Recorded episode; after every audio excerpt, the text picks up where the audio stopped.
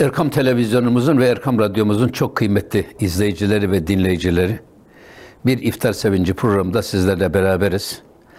Ramazan-ı Şerif'in bu ilk gününde hem sevincimizi paylaşmak hem de sıkıntılarımızı paylaşmak üzere yardımlaşma ve dayanışma ayına kavuşmuş bulunuyoruz. Cenab-ı Hakk'a da hamdü sena ediyoruz. Ee, her iftar sevincinde olduğu gibi ya da her Ramazan'ın ilk iftarında olduğu gibi klasik hale geldi. Bugün de iftar sevincimizde muhterem üstadımız Osman Nuri Topbaş hocamızla iftar sevinci programını hep beraber paylaşacağız. Lütfen gönlünüz, kulağınız bizde kalsın. İnşallah bu sohbetimiz verimli bir sohbet olur diye düşünüyoruz.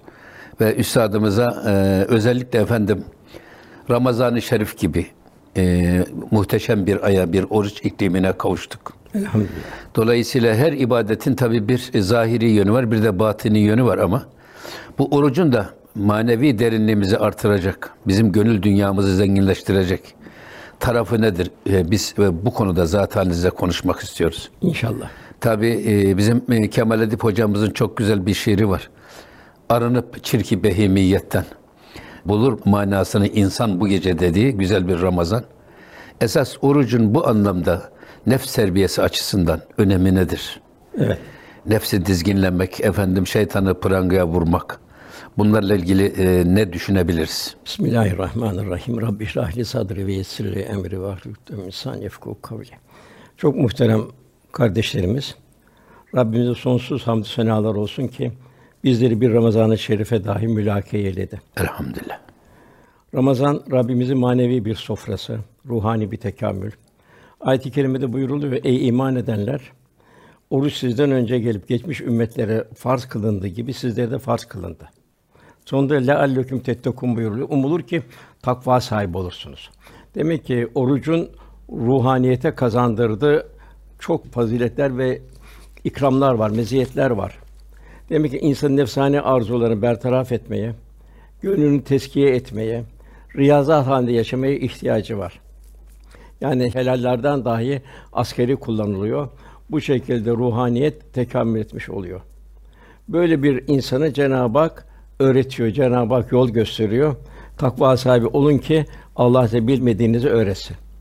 Peki takva nedir? Ruhani istidatları inkişaf ettirme, müminin ilahi kamera altında olduğunu idrak ve şuuru halinde olması, helalleri de asgari de kullanması, bu şekilde Cenab-ı Hakk'a yakın bir kul olabilmesi. Yani bize emredilen takva. Bu Ramazan-ı Şerif takvanın bir tahsil mevsimidir. Ramazan-ı Şerif sanki kirlenen dünyadan korunmak için bir arınma fırsatı sunuyor. Oruç sayesinde nefsane arzular zayıflıyor, ruhani istidatlar kuvvetleniyor.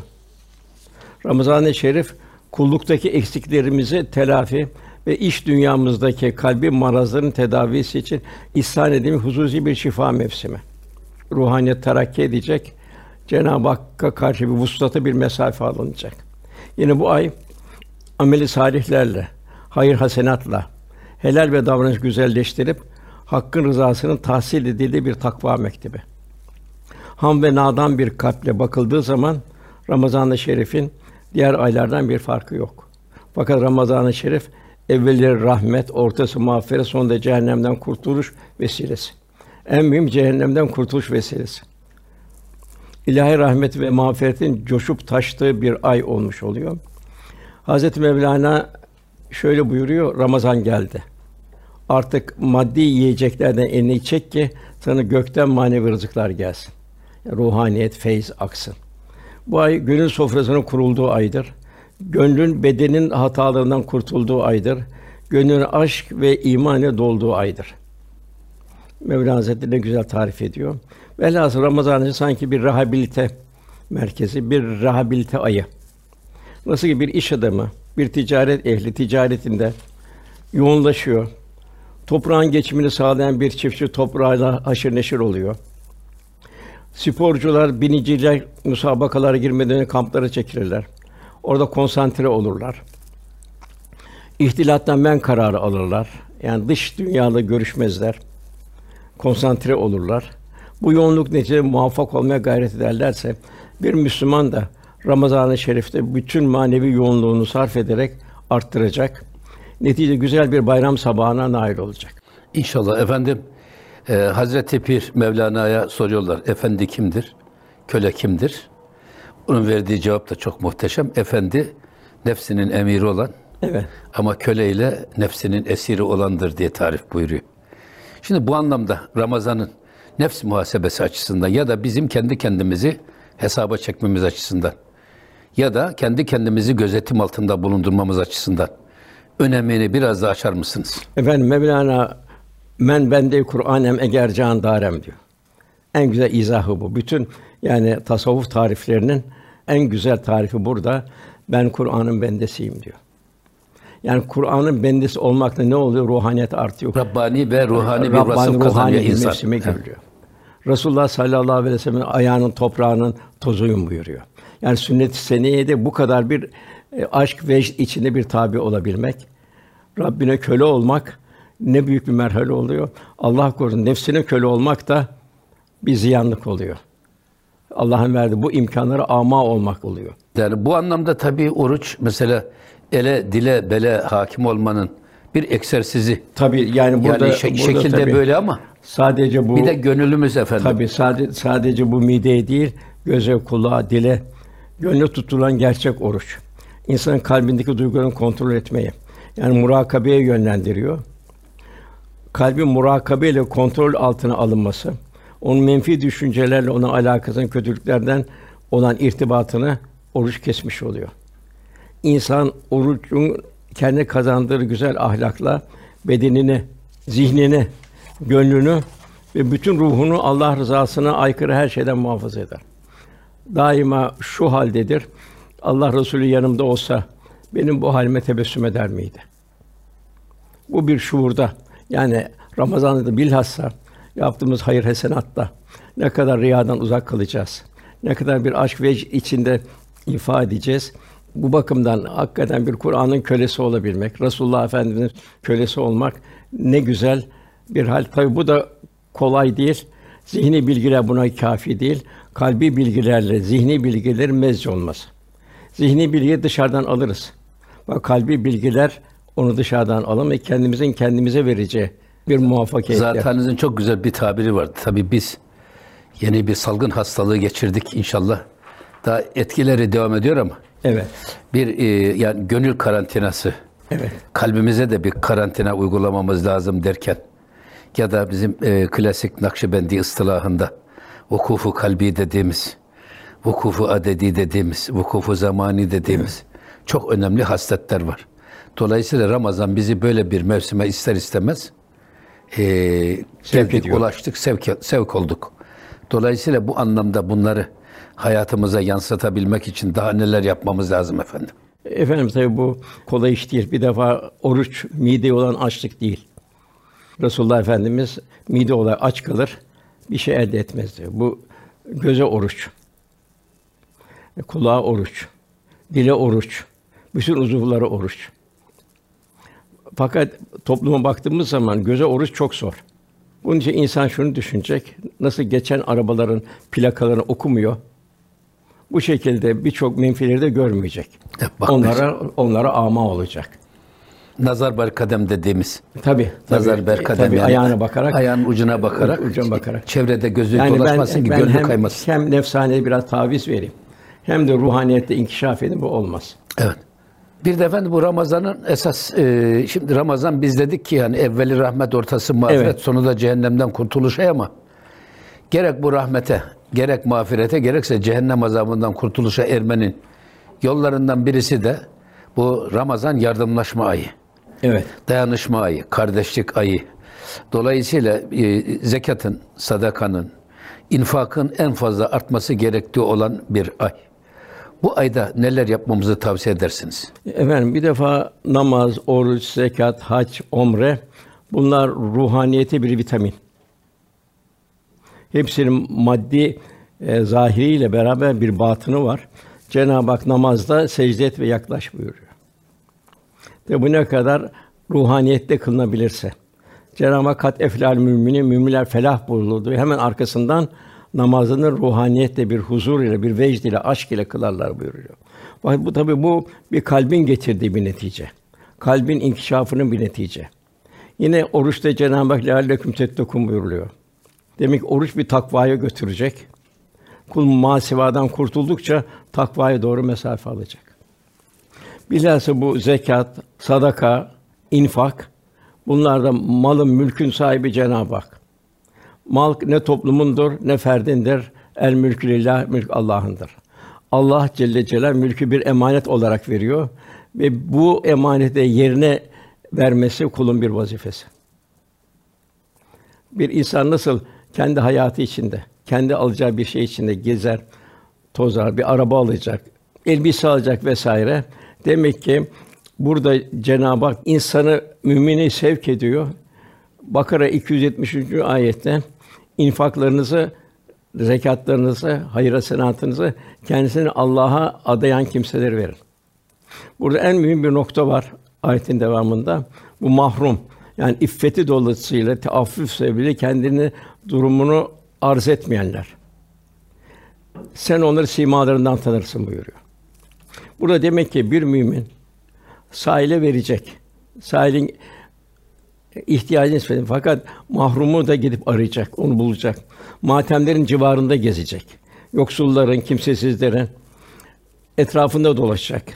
Fakat bunun kalbinde yine kalbe geliyor. Rakik olması lazım ki Cenab-ı Hak sen onu simalarından tanısın buyuruyor.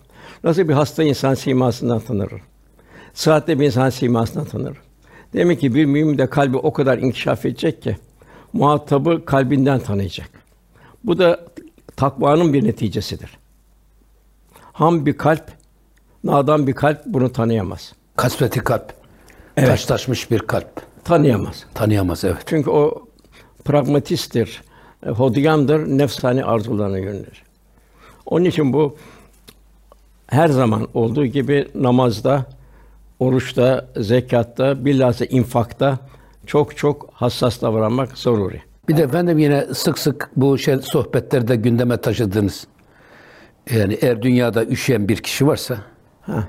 benim ısınmaya hakkım yoktur. Bu şuurda yani güneşin doğduğu yerde bir müminin ayağına batan dikenin acısını, Evet. güneşin battığı yerdeki bir mümin can evinde duymazsa bizden değildir.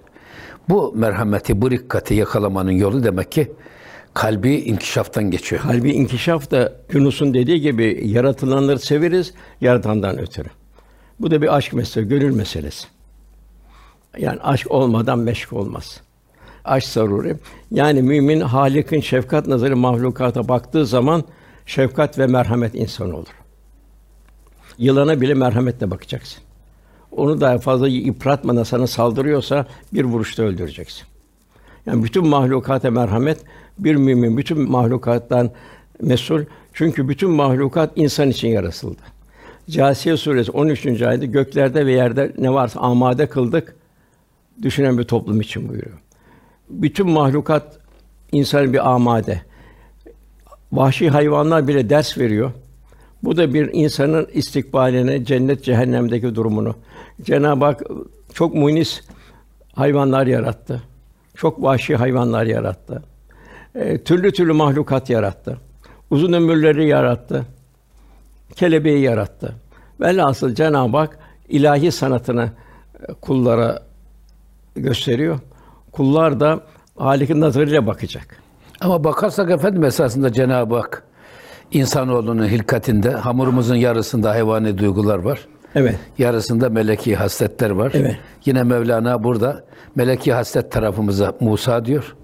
Hayvani haslet tarafımıza Firavun diyor ama her türlü hayvani karakter bizim içimizde de var. Evet, var. Esas onları gönül nilimizde Firavun'u boğmak, hayvani duygularımızı boğup Musa'yı diriltmek. Yine Mevlana Hazretleri buyuruyor, insan gönlü bir orman gibidir. Evet. Ormanda nasıl vahşi hayvanlar, munis hayvanlar varsa, insanda da nefsani temayüller, ruhani temayüller var.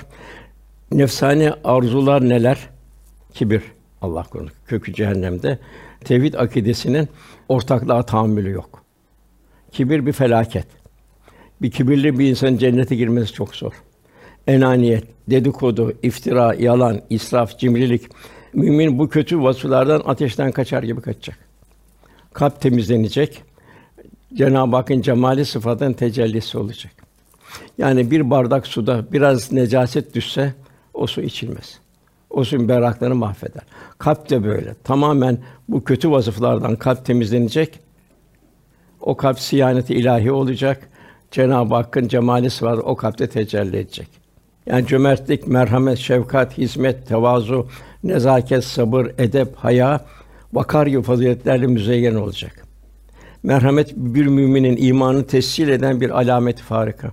Kur'an ve sünnet muhtevası yaşayan bir müminin şefkat ve merhametten nasipsiz olması düşünülemez. Mümin bir rahmet insanıdır. İncitmez, incinmez. Tabi kemale ermiş, veli olmuş bir mümin rahmet insanıdır. O incitmez, incinmez. Bir iki her gönül nazargâhı ilahidir. Bollukta şımarmaz ve taşkınlık yapmaz, darlıkta isyan etmez. Sabırla merhaleler kat eder. Fakirlerin, yetimlerin, kimsenin dualarının talibidir. En alt kademine, en üst kademeye kadar insanlar irşat heyecanı içinde bulunur. Fedakârdır o bakımda. İşte Eshab-ı ta Medine'yi bıraktı, Çin'e gitti, Semerkant'a gitti, Afrika'ya girdi.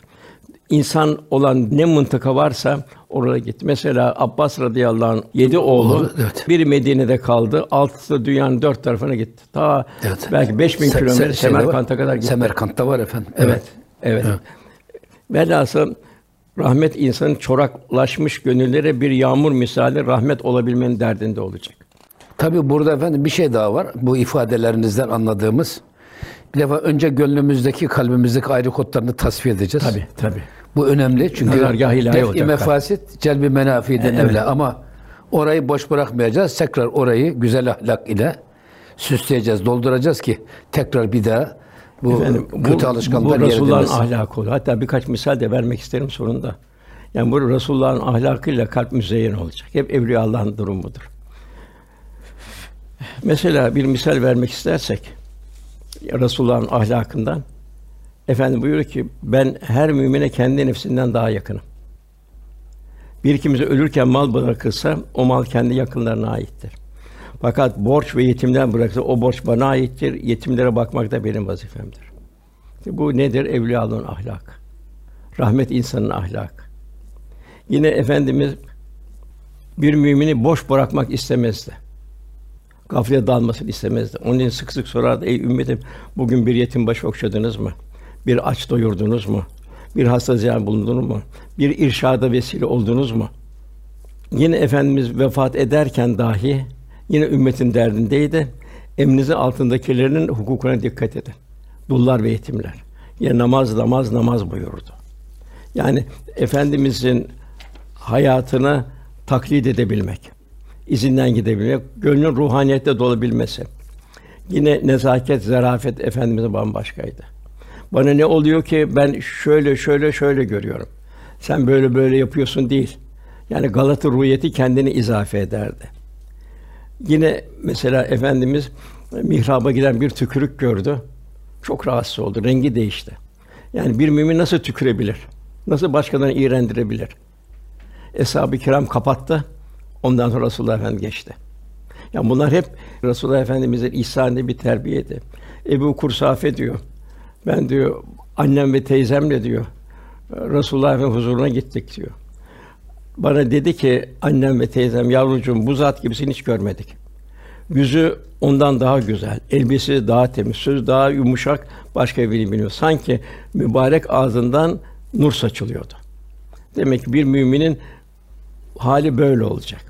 Yine Ayşe validemiz din kardeşini efendim daima tercih ederdi. Resulullah Efendimizin aile efradı Medine'ye geldiği günden vefat ettiği güne kadar üç gün arka arka buğday ekmeğiyle karnı doyurmadı buyuruyor.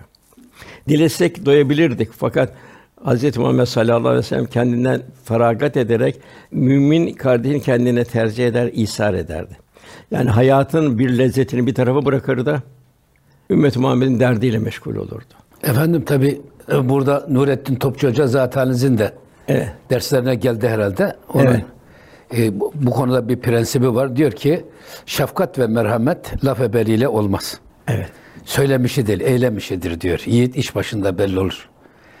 Peygamber Efendimizin bugün bir hasta ziyaret ettiniz mi? Bugün bir yetim başı okşadınız mı? Bu hadis-i şerifine sanki telmih yaparak bir düşeni gördüğünüz zaman elinden tutun, kaldırın. Evet. Yoksa ben merhametliyim diye türkü Yok. çağırmanın kimseye bir faydası Yok, yok. yok. Kanayan bir yere gördüğünüz zaman eğilin, sarın. Onu merhamet mendiliyle kucaklayın ki ancak bu şekilde merhamet ve şefkat sahibi olunur diyor. Evet. Efendim insanlık adaleti, hakkı tevzi etmeyi Resulullah Efendimiz'den öğrendi. Hatta Fransız ihtilalcilerden Lafayette diyor ki gayrimüslim olduğu halde ey büyük insan diyor. Sen dünyada tevzi ettiğin adalete, hak, hukuku şimdiye kadar kimse tevzi edemedi diyor. Bir misal Efendimiz'den nihayet ben de bir insanımsın gibi buyuruyor. Aranızda bazı kimsenin hakları bana geçmiş olabilir.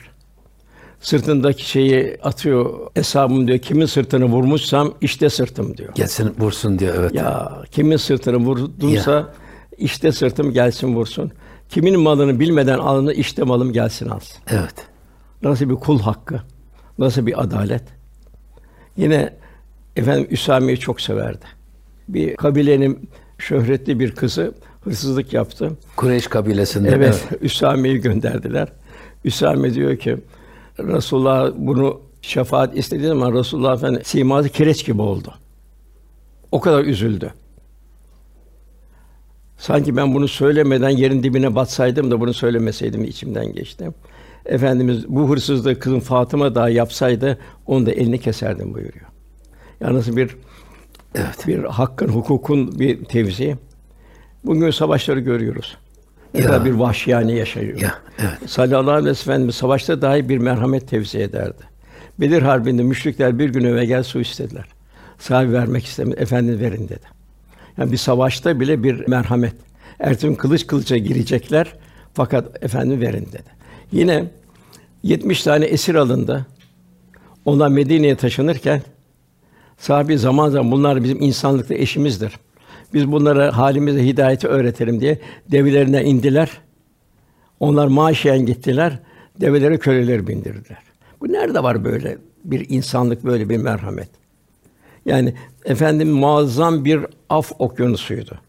Kızı Zeynep'i şehit eden Habbar bin Esvet kelime-i tevhid de geldi Mekke fethinde. Niye benim kızım böyle yaptın demedi. Affetti. Mekke fethinde korkuyordu Mekkeliler. Büyük bir yaptıkları 20 küsür senelik zulmün bir kısası yapılacak diye korkuyorlardı. Resulullah Efendimiz af buyurdu. Yusuf Aleyhisselam'ın kardeşin söylediği gibi af buyurdu. Onlar da sen ne güzel bir kardeşsin dediler, sena ettiler ve çoğunluğu da Müslüman oldu. Efendimizin tevazu zirvedeydi. Mekke fethinde bir kişi geldi, titreyerek geldi efendim manevi heybetinden. Efendim sakin ol kardeşim dedi. Ben bir kral, bir hükümdar değilim dedi. Annelerini kastederek Kureyş'te- Kureyş'te güneşte Evet. kurulmuş bir et yiyen senin komşunun ben yetimiyim dedi. Yine efendimizin merhameti bütün mahlukata şamildi. Yanık bir karınca yuvası gördü. Allah'ın verdiği canı kim yakabilir dedi. Hatta ben şunu da çok esefle söyleyeyim ki Anadolu'ya geçtiğim zamanlarda birçok tarlaların yandığını gördüm. O kökleri yakmış. An- anız yakıyorlardı Evet. evet. Fakat orada birçok karınca yanıyordu. Kaplumbağa yanıyordu. Hepsi bundan kıyamet günü dirilecek. Onlar da hakkı isteyecekler. Hatta kâfirler o manzara karşısında o hakkı isteyen hayvanlar hakkın aldıktan sonra toprak olacaklar. Kâfir de yakulül kâfiru ya leyteni kuntu turaba. Keşke biz de bu hayvanlar gibi yok olsaydık diyecekler. Efendim tabii Mekke üzerinde yavrusunu emziren bir kelp gördü.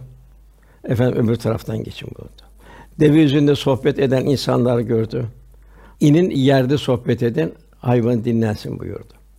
Yine Sevade bin Rebi Hazretleri buyuruyor. Resulullah sallallahu aleyhi ve sellem onlara deveden zekatlar verdi. Fakat dedi bunu dedi bu zekat hayvanlarını al dedi. Evine götür dedi. Hayvanı toz toprak için bırakmasınlar dedi. Tırnaklarını kessinler. Sütlerini sağarken o tırnakları memelerine batmasın hayvan. İncitmesin. Allah. Hayvanın tamamen sütünü çekmesinler, yavrunu bıraksınlar dediler. Bir bugünkü dünyaya bakalım. Bir de bir asıl saate bakalım. Yani nasıl Resulullah Efendimiz bir cahiliye insanından nasıl bir faziletler medeniyeti inşa etti. Kendisi çok kanaat ve istina üzerine yaşardı. Hazreti Ömer radıyallahu anh bir gün Efendimiz ziyarete geliyor. ağlamaya başlıyor. Hurma yaprağına örülmüş bir hasır, bir köşede bir ölçek arpa unu, bir de eski bir su kırbası. Hazreti Ömer'i ağlamaya görünce, efendim ağlama ey Ömer dedi, ağlama ey Ömer dedi. Dünyanın bütün nimetleri zevkli onların ahirette bizim olması istemez misiniz? Yani Resulullah Efendimiz zengine misal, fakire misal, ganimetler gelirdi dağıtmadan huzur bulamazdı. Zaten öyle bir şey ki bu zekat yani sermaye büyük bir dehamesi büyük bir şey olmayacak. Artı artı gitmeyecek. Ondan zekat verecek, sadaka verecek, infak edecek. Cenab-ı Hak kulül af ile fazlasını verdi. Evet fabrikası varsa çalıştıracak. Para kazanacak. Para kazanacak ki zekat verecek, infak edecek. Fakat kendisini riyazatta yaşayacak. Yani bugünkü olduğu gibi israf, lüküs, oburluk Eshab-ı Kiram'da görülmeyen bir hayat tarzıydı. Efendim çok güzel bir noktaya temas buyurdunuz. O da yani Müslüman evet fabrikalarını çalıştıracak, iş verecek. Fakat kendisi zahidane bir hayat yaşayacak. Buradan anladığımız Cenab-ı Hakk'ın istediği insan tipi ki Ramazan'ın istediği insan tipidir. Çok üreten ama az tüketen insan. Böyle olduğu zaman hatta Hazreti Mevlana diyor ki Mesnevi'de Cenab-ı Hak insanları üretimde değil de tüketimde eşit yaratmış. Bütün Marmara Denizi sizin olsa içeceğiniz su ne kadar? Dünya bütün sizin malınız olsa yiyeceğiniz ne kadar? O yüzden çok üretip az tüketen insan. O zaman artan geliri ne yapacağımız meselesi ortaya çıkıyor ki Ramazan'da bu da ortaya çıkıyor. Dolayısıyla işte hem buradaki zekat, sadaka, infak ve dolayısıyla toplumun bağları arasındaki o köprüyü kurmak. Bir de buradan vakıf medeniyeti, vakıf insanıyla ilgili neler söyleyebiliriz efendim? Efendim Cenab-ı Hak buyurduğunuz gibi kulül affı fazlasını ver diyor. Çalışacak, gayret edecek. Tembellik yasak İslam'da. Resulullah sallallahu aleyhi ve sellem Efendimiz bir iki gün şu hurma ağacının altında istirahat edeyim, tatil yapayım demedi. Daima bir irşat halindeydi. Demek ki bir mümin de tatili esasında ahirette olacak. Mezarda olacak. Son nefesten sonra tatil olacak. Allah rızası için gayret edecek. Ne imkanı varsa.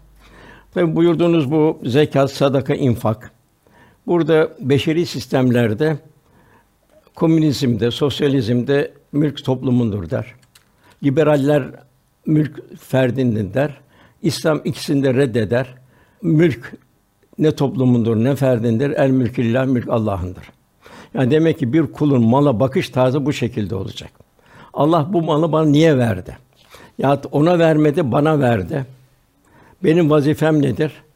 Demek ki mümin bir gönlü merhametle dolacak. Zekat nedir? Zenginin malındaki fakirin hakkıdır. Yani Cenab-ı Hak fakiri zengine ortak ediyor.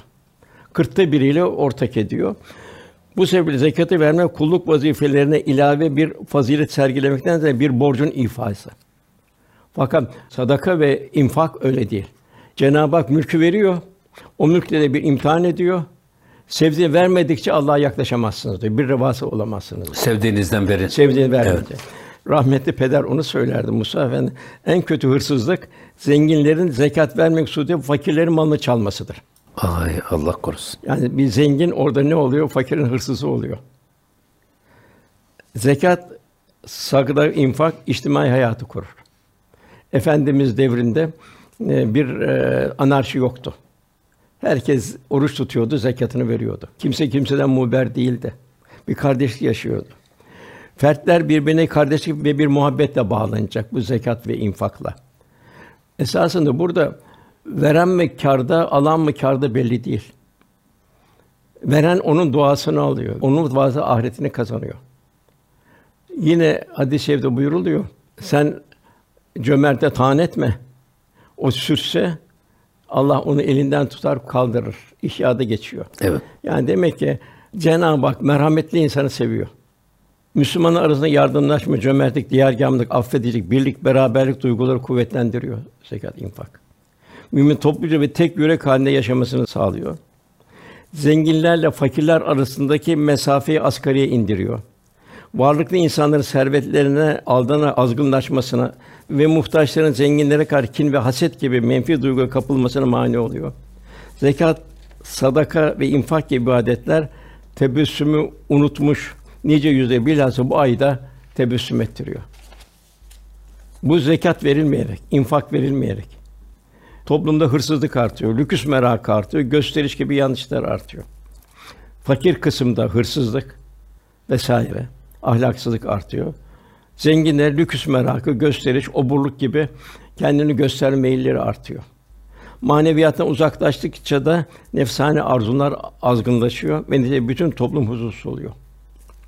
Nasıl ki namazı huşu ile kılan bir müminde ruhi bir buhran olmaz. Asıl saadette bir ruhi buhrana rastlamıyoruz. Psikolog yok, psikiyatrist, Evet. psikiyatrist yok, ihtiyaç Psikiyatri yok. duymamış. Halbuki bugünkü hastalık daha ziyade ruhi hastalık. Onun için nasıl ki namaz huşu ile kılan bir müminde ruhi burhan olmazsa zekatı veren, infakı veren bir toplumda da anarşi olmaz. Sosyal patlama olmaz. Ekonomik kriz gözükmez. Asıl saadette böyle bir sosyal anarşi patlama yoktu. Ömer bin Abdülaziz devrinde Müslüman zengine zekat verecek fakir bulunmuyorlardı. Ecdadımız Osmanlı zekat, sadaka ve infaklarla merhametin müesseseleşmiş şekli olan vakıflarla toplumu adeta bir şefkat ağıyla örmüştü. Bu toplum huzur ve sükunun başlı amillerinden biriydi. Varlıklı bir mümin bu mülk bana emanettir diyecek. O, o şuurda olacak. Benim aşağımdaki kimseler bana zimmetlidir diyecek. Ben de var, onda yok demek ki benim onun ihtiyacını temin etmem zaruridir diyecek. Bu şekilde düşünecek. Bu anlayış bir müminde tabiatı asliye haline gelecek. Mülk Allah rızası istikaminde kullanabilmek kalbi olgunluk isteyen bir sanattır. Bir müminin kalbi adeta manevi bir röntgen haline gelecek. Kendisine kimlerin zimmetli olduğunu simalarından bilecek. Bu zimmetine çok dikkat edecek. Halini arz eden muhtacı dinleyecek. Fakat iffeti dolayısıyla isteyemeyen kimselere gidip arayıp onları bulacak. Es-sâile vel mahrum. İnsan nasıl üstüne başına bir şey almak için dükkan dükkan dolaşıyorsa, araba almak için öyle dolaşıyorsa, üzerine zimmetli olan fakir fukarayı bulmak için dolaşacak. Onları bulacak. İşte Hazreti Ömer radıyallahu anh sırtında bir e, un çuvalıyla dolaşırdı. Zeynel Abidin Hazretleri un çuvalıyla gezer dolaşırdı. Mevlana yine bu güzel bir ifadesi var. Fakir ve dertlere hemhal olmanın manevi kazancı şöyle ifade ediyor. Fakru zaruret içinde boğulan gönüller dumanla dolu bir eve benzer. Sen onların derdini dinlemek ve o derde derman olmak suretiyle o dumanlı eve bir pencere aç ki onun dumanı çekilsin de senin de kalbin rakikleşsin, ruhun incelsin. Yani zarif bir insan meydana gelsin. Peygamber efendim birisi geliyor, kalbin katılığını şikayet ediyor. Efendim o kimseye eğer kalbinin yumuşamasını istiyorsan fakiri duyur ve yetimin başını okşa buyuruyor. Ramazanın alameti farikası olan oruç ibadetin müminlere en büyük terkini ve yine merhamettir. Merhametli bir insan tipidir. Gelirin toplumsal yaralı saracak kurumlara aktarılması niçin önemlidir? Bu hususa gelirsek vakıf yaratandan ötürü yaratılanlara merhamet, şefkat ve sevginin müesseseleşmiş şeklidir. Vakıflar fakir ile zengin, hasta ile sağlamı, zayıf ile güçlüyü ruhani bir kardeşlik heyecanı içinde yaşatır. Hadis-i buyuruluyor, insanın en hayırlısı insanlar en faydalı olandır. İşte ecdadımız da bu hadisi kendilerini düstur ederek vakıf yoluyla sayısız muazzam ve kalıcı eserler vücuda getirdiler. Bugün toplumumuz dahi o âli cenap ecdadın müesseseleri nimetiyle perverdedir. Camiler, çeşmeler, askeri kışlalar, hastaneler, hatta içtiğimiz sular, daha pek çok hayırlı hizmetleri bugün onlardan kalan muazzam emanet ve hatıralar. Mesela İstanbul'a girdiğimiz zaman bir Terkoz Gölü var. Valide Sultan'ın vakfı. Kışlalar var. Davut Davut Paşa, Kışlası. Selimiye, tabii. Evet, Selimiye Kışlası vesaire onlardan kalma. Zaten güzel bir söz var efendim. Bizde Müslüman bir Osmanlı'da çocuk vakıf bir beşikte, vakıf bir hastanede doğar. Vakıf bir beşikte büyür, vakıf bir evde yaşar. Evet. Vakıf bir okulda okur. Vakıf bir iş yerinde çalışır. Sonra e, vakıf bir salda taşınır ve e, vakıf bir mezara da defnedilir. Hayatın her yönünü kuşatmış. Bu efendim vakıfta öyle bir aşk ve beş gelmiş ki her şey birbirinden misal alarak daha öteye geçmeye gayret etmiş. Ee, Mesela bir de bu vakıflar bir nezaket, bir zarafet dersi vermiş. Fatih Sultan Mehmet Han İstanbul şehitlerinin hanımlarına erzak dağıtırken havanın diyor loş karanlığında dağıtılsın. Herkes evine görmez. çekilir. Kimse Ona görmez. ışık yok, fener var. Kimse görmez. Yani o incinmesi. Evet. Bir de e, aktüel bir meseleye gelelim dilerseniz eğer. Hay hay. Bugün bizim e, bütün dünyada esas Türkiye bu sağlam aile yapısı yüzünden, işte bu vakıf anlayışı yüzünden, bu merhamet ve şefkat anlayışı yüzünden bütün ekonomik sarsıntılara rağmen hiçbir toplumsal kriz yaşamıyorsa hala da o ecdadımızdan bize e, miras kalan bu yardımlaşma ve dayanışmanın güzelliğinden kaynaklanıyor. Ama şimdi bu aile yapımız ki aile toplumun temel taşı, köşe taşı. Ee, bir aile ne kadar sağlam olursa o toplum o kadar geleceğe güvenle bakar. Çünkü aileler nihayetinde e, bi- bizim ilticagahımız, sığınağımız. Başımıza bir iş gelse ailemize sığınırız. Ya da aile bizim arkamıza en büyük destekçimiz olur. Dolayısıyla bu Türkiye'yi çökertmek isteyenler, Türkiye'yi çözmek isteyenler bu e, sağlam aile yapısını çözmek için uğraşıyorlar. Bütün oklar bugün aile yapımıza yönelmiş. İşte İstanbul Sözleşmesi de bir e, ucube ortaya çıktı. Çok şükür o, e, o sözleşme feshedildi. Bu anlamda Cumhurbaşkanımıza teşekkür ediyoruz. E, bu anlamda neler söyleyebilirsiniz efendim? Bu da biraz bugünkü e, ilk iftar sohbetimizin Efendim aile ilk insanla başladı. Adem Aleyhisselam yani ve Havva validemizle başladı. İlk aile yine Nuh Aleyhisselam'dan gemiden inenlerle başladı. Velhasıl insanın alameti farikası bir aileye mensup olması. Hayvanatta böyle bir aile mefhumu yok. Onlar serbest. Fakat insan insan e, iffetli yaşayacak. Namuslu olacak. Hakkı hukuka dikkat edecek. Şimdi bizde Tanzimat'ta yurt dışına seferler oldu. Fransa'ya gidildi. Orada tahsil göründü. Fakat Fransız üniformasını kalpte taşıdılar. Apoletleri Osmanlı oldu, kalp alemleri Fransız oldu. Aile yıkıldı. Yıkılmaya ilk adımlar başladı. Fakat aile halk tabakasında sağlam kaldı. Salih ve salih bir anne baba vardı. Ailede görmüş teyzeler, nineler, dedeler, amcalar vardı. Bir de mahalle vardı. Bu yakın zamana kadar devam etti. Fakat bugün mahalle koptu. O gün görmüş ailedeki fertler bunlar da ehemmiyet verimli bunlar da kayboldu. Kendi haline bırakıldı. Kadın da sokağa itildi. Velhasıl bir perişanlık başladı bugün. Ne oldu netice? 7'den 70'e kadar herkesin elinde bir telefon istediği yere girip çıkıyor. Yani televizyonun çocuğu oldu. İnternetin çocuğu oldu. Velhasıl böyle bir gariplik bugün. Hatta Lut kavminde bulunan o menfi insanlar, eşcinseller vesaire bu insanlık dışı hayvanlarda bile olmayan böyle kötü adetli insanlar meydana geldi. Demek ki bugün anne ümmül medrese olacak. Annenin en mühim vazifesi evidir, çoluk çocuğudur vesaire veyahut da hanımlara ait hizmetidir. Babanın vazifesi de onun maişetini temin etmektir. Fakat anne babanın ikisi de müşterek vazifesi evladına bir ahiret selameti vermektedir. Dünya tahsili için bakıyorum imtihana girecek çocukları vesaire e, trafikler tıkanıyor vesaire oluyor. En nihayet bir dünya için bir imtihana girecek. O imtihanda kazansa ne kadar faydalı, ne kadar zararlı olacak belli değil. Yani dini bir yapı verilmezse bu hukuku tevzi edeceği yerde bir cellat olur. Yani muhakkak ailede küçük yaşta yavrulara dini tahsil zaruri. Bunu anne baba yapacak. Anne baba bunu aciz kalırsa İmam Hatip okullarında hatta hocalarını bile seçecek. Kur'an kurslarını bir düzgün bir kıraat zaruri. Kıraatsiz bir ibadet olmaz. Yani oturarak namaz kılarsın kıyamsız. Fakat kıraatsiz bir namaz kılamazsın. Bunun için anne babalara bugün çok iş düşüyor.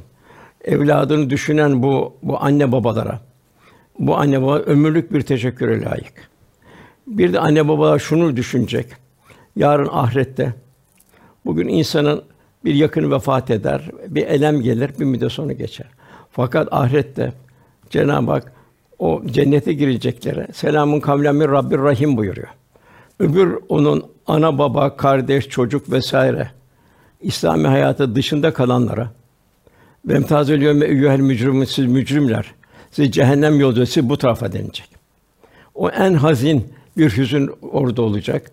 Bir kısmı ailenin cennete girerken bir kısmı da cehennem yolcusu olacak. Allah korusun. İkincisi de anne baba ihmal etmişse çocuk da kıyamette davacı olacak. Annem babam beni dünya için halbuki rızkı verecek Allah'tır. Rızkın peşinde koşarak benim dini tahsilim mani oldu. Bugün ben de ondan davacıyım diyecek. Burada efendim bir şey e, demin çok güzel bir ifade buyurdunuz. Anne ümmül medrese olacak diye. Şimdi Ahmed Yesevi Hazretleri buyuruyor ki annesi aziz olan bir milletin geleceği izzetli ve şerefli olur. Annesi rezil olan bir milletin de geleceği rezil ve rüsvay olur. Şimdi aile çok güçlü. Tamam, çok önemli. Ailenin bir nasıl namaz dinin direği ise namazı kılan adam o çadırın orta direğini dikmiş olur. Namazı terk eden de o direği yıkınca çadırı da yıkmış olur. Ailenin de orta direği ana. O yüzden Efendimiz e, önce diyor ki annenin hakkı, sonra tekrar annenizin hakkı, sonra tekrar annenizin hakkı, sonra da babanızın hakkı buyuruyor Efendimiz. Şimdi böyle bir ortamda esas e, bu sağlam ailede annenin rolü çok önemli olduğu için bugün bütün oklar bize kadına yönelmiş durumda. Diyorlar ki eğer biz e, Türk toplumunu yıkmak istiyorsak Türk aile yapısını yıkmamız lazım. Bu aileyi yıkmanın yıkmak için de anneyi yıkmamız lazım.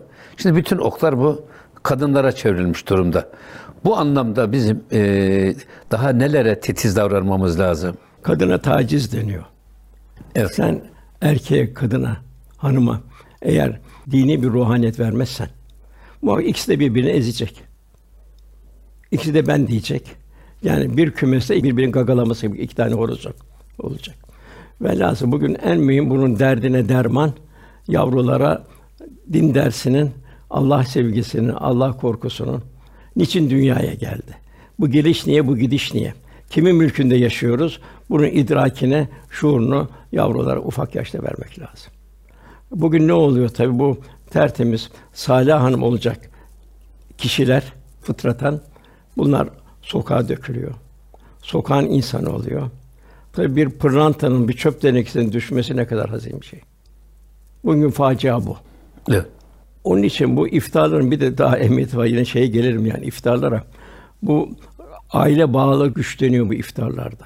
Evet. İçtimaileşme oluyor. Nasıl cemaatle kılan namazlar bir içtimai oluyor. Nasıl bayram namazı, cuma namazı bir içtimaileşme.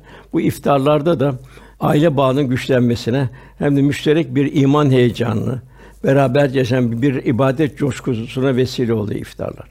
Sıla rahim, aile ve akraba arasında ziyaretleşmeler, hal hatır sormalar, yardımlaşmalar Cenab-ı Hakk'ın rahmetini celbediyor. Şüphesiz ki iftarlar da bunun için en güzel vesilelerden biri. Fakat tabii şu var, iftarlarda da ifrata girmemek lazım. Lüküs lokantalar vesaire şu bu, bunlarla iftar olmaz. Yani bunu bir oruçtan çıkarken bu orucun halini muhafaza etmek lazım. Fakir eli uzanmayan iftar sofrası iftar mı olur? Ya Efendim, öyle. fakirlerin eli uzanması lazım. Evet. Ama burada yine ifade buyurduğunuz bir şey var. Gerçekten e, iftar sofraları hem aileyi gözde yakınlaştırdı mı gönülde de yakınlaştırıyor. Evet. Çünkü gözde yakın olan gönülde yakın oluyor. Ama gözden ırak olan da gönülden ırak oluyor. Hatta hocam yani ben çocukluğumda pederde de bunu gördüm. Başka kişilerde de gördüm. İftarlar verilirdi. Bir iftara o mahalledeki çöpçüler çağrılırdı. Sokaklarda o zaman hayvan testleri olur, onları toplayan çöpçüler olurdu. Onlar çağrılırdı. Onlara tabii bu lezzetli yemekler yapılırdı. Giderken de onlara Osmanlı güzel diş kirası bir tabiri var. Yani bu iftar dişini kullandınız, Yoruldunuz. yoruldunuz. Bunun için bir bedel verilirdi. Ya para verirdi ya bir kumaş verir bir şey verilirdi. Bir gün imamlar, müezzinler çağrılırdı. Bir gün akraba çağrılırdı vesaire. Yani toplumdaki bir dayanışma temin edilirdi. İftara gelenler teşekkür ederdi. İftar sahibi de gelenlere teşekkür ederdi. Bu ne güzel bir adetti. Evet, evet. Bunlar kayboldu, bitti. Zenginler birbirine bu lüks lokantalar vesaire şu bu. E, bin bir türlü açık sofralar o orucun bütün o lezzetini alıp götürüyor maalesef. Yani toplumun düzelecek aile yapısında çok ehemmiyetli durumlar var. İşte efendim bu Ramazan'ı hiç olmazsa fırsat telakki ederek aile yapımızı Evet. sağlamlaştırmanın ve sağlam tutmanın gayretine girmemiz lazım. Efendim eskiden benim çocukluğumuzda mesela çocukları da oruç tutturuldu. Ona tekne orucu denirdi. Sabahleyin kahvaltı yapardı. Öğlenleyin yemek yerdi. Öğleyle kahvaltı arasında bir şey yemezdi.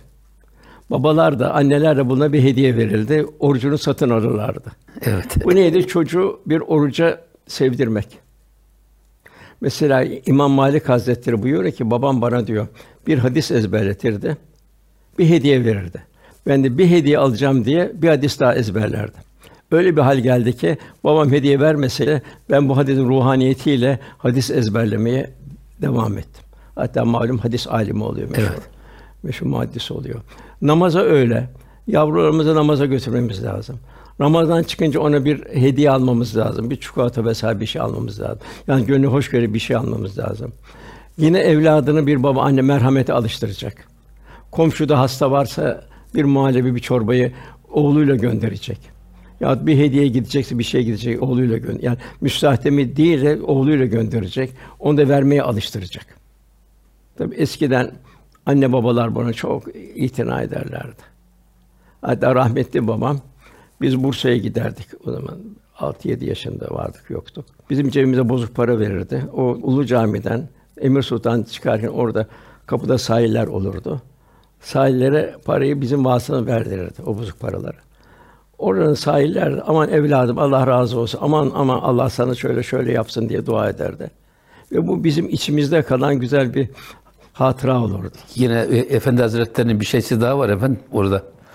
Kur'an kursunda mesela Elif Bağ'dan yüzüne geçenlere sizlere verdirirmiş hediyelerini. Evet. İşte yo efendim işte şeyden e, bitirmiş, hatime bitirmiş. Hıfza başlamışlara yine sizler vasıtasıyla verdirilmiş. Sırf hem sizi alıştırmak hem de o öğrencileri bu manada Kur'an kursundaki okuyan öğrencileri teşvik manasında. Evet. Yani bilhassa hocam yani bu terbiye sistemi bunu biz kaybettik. Çok zor oldu. Yani anne baba zaten çoğu bakmıyor, kreşe gönderiyor. Kreşte de o hocaların, öğretmenlerin insafına bırakılıyor. Kreşi de seçmiyor. Aman diyor başımdan çıksın diyor. Eline bir de telefon veriyor, istediği gibi yere girsin çıksın diyor. Ne oluyor çocuk? Televizyonu, internetin mahkumu oluyor. Bağımlısı oluyor. Ya Allah korusun. İnşallah hocam bu Ramazan-ı Şerif İnşallah huzurlu bir Ramazan-ı Şerif İnşallah. inşallah. İbadetlerimizde, oruçlarımızda, bilhassa sadaka ve infaklarımızda. Tabi bugün bir misal verdim baştan. Siz Mevlana bana şems bir tek şey öğretti. Bir üşüyen varsa Evet. ısınma hakkı senin yok Celalettin dedi. Bu zihne verilen bilgiyi zaten bunu Mevlana biliyordu. Bak kalbe veren bir bilgi hep artık Evet. ben ısınamıyorum diyor. Evet. Demek ki bu dergah eğitimine çok ihtiyacımız var. Evet efendim. Eskiden mesela bir rahabilde merkezi dergahlar Osmanlı'da. Evinde bir kavgası olan, işi bozulan vesaire olan bir dergaha giderdi. Orada bir teselli olup dönerdi. Bir rehabilite merkeziydi. Bugün bu, bu kayboldu. Kayboldu ne oldu? İşte taciz başladı, bilmem ne başladı. Birçok menfilikler Yine efendim zat halinizin sık sık gündeme getirdiği bir şey var. Yani hiçbir sosyal güvencenin ya da sosyal güvenlik kurumunun olmadığı dönemlerde en önemli sosyal güvenceyi Efendimiz komşusu açken kendisi tok yatan bizden değildir buyurmuş. Efendim öbür taraftan devlet gelinceye kadar işte mesela bir, bir mahallede birisinin evi yandı. Hemen mahalleli bir araya gelerek toplanıyor. Onun bütün eksiğini gideriyor. Anahtarını teslim ediyorlar. Buyurun diyorlar. ya Esas işte bu yardımlaşmanın, bu merhamet duygusunun, bu şefkat duygusunun e, bugün yeniden ihyasına ihtiyacımız var. çok. Onun için bu Ramazan-ı Şerif'i bu anlamda bir vesile telakki İnşallah ederek. bir Kur'an'la bir ihya Evet inşallah. İhya inşallah. İnşallah. Efendim bir misal de vermek Sırrı Sakati Hazretleri. Müminlerin derdinde olmayan bizden değildir. Ya. Hadisini okutuyor. O sırada bir talebesi geliyor. Üstad diyor. Mahalle yandı diyor. Yani senin ev kurtuldu diyor. Elhamdülillah ya Rabbi şükür diyor. 30 sene sonra bir dostunun Sırrı Sakati Hazretleri. Ben o günün derdindeyim. O günün tövbesi içindeyim. O gün kendi evimin yanmadığını sevindim. Fakat evi yananları düşünemedim. Yani Müslüman ihtimalleşecek. Mümin mümine zimmetli. Birbirini yıkayan iki el gibi olacak. Tek elle eli kendi elini yıkaması mümkün değil. Çift el zaruri. Bugün en çok muhtaç olduğumuzda bu. Yani müminin mümine zimmetli olması. Suriye'dekinin ızdırabını duyması. Yemen'dekinin, Sudan'dakinin ızdırabını duyması. Myanmar'dakinin duyması. Irak'takinin duyması. Mevcut mahallesindekinin duyması. Çok misaller vermek istedim ama tabii vakit de dar. İnşallah gelecek sohbetimizde. İnşallah. Yani Osmanlı nasıl bir toplumdu? Saray nasıldı? Halk nasıldı? İnşallah gelecek derste de onu inşallah, İnşallah efendim. ifade etmeye gayret İnşallah. inşallah. Çok teşekkür ediyoruz. Biz teşekkür ederiz. Allah razı olsun. Oruçlarımız kabul olsun. Amin, inşallah. İnşallah Cenab-ı Hak oruçlarımızın feyzini ihsan eylesin. Amin. Lealleküm tettekûn bir oruçlarımız bizi takvaya vesile eylesin inşallah. İnşallah. Takva deyince tabii yine İbnül Arabi burada diyor ki Arapçada e, üç harfli fiillerden ikisi e, şey, e, iki harf müşterekse bir mana yakınlığı da var. Takvanın evet bir e, Allah'tan sakınan bir kul olmak. Onun huzurunda bulunma duygusuna ermek manasının olduğu gibi bir de ittika manasına da şey yapıyor. Allah'a dayanmak. Tabii. Allah'a dayanarak hayatını yaşayan bir insan olmak. Ramazan bizi ona doğru götürür. Hocam şöyle. Ve ve mahkûmtüm. Evet.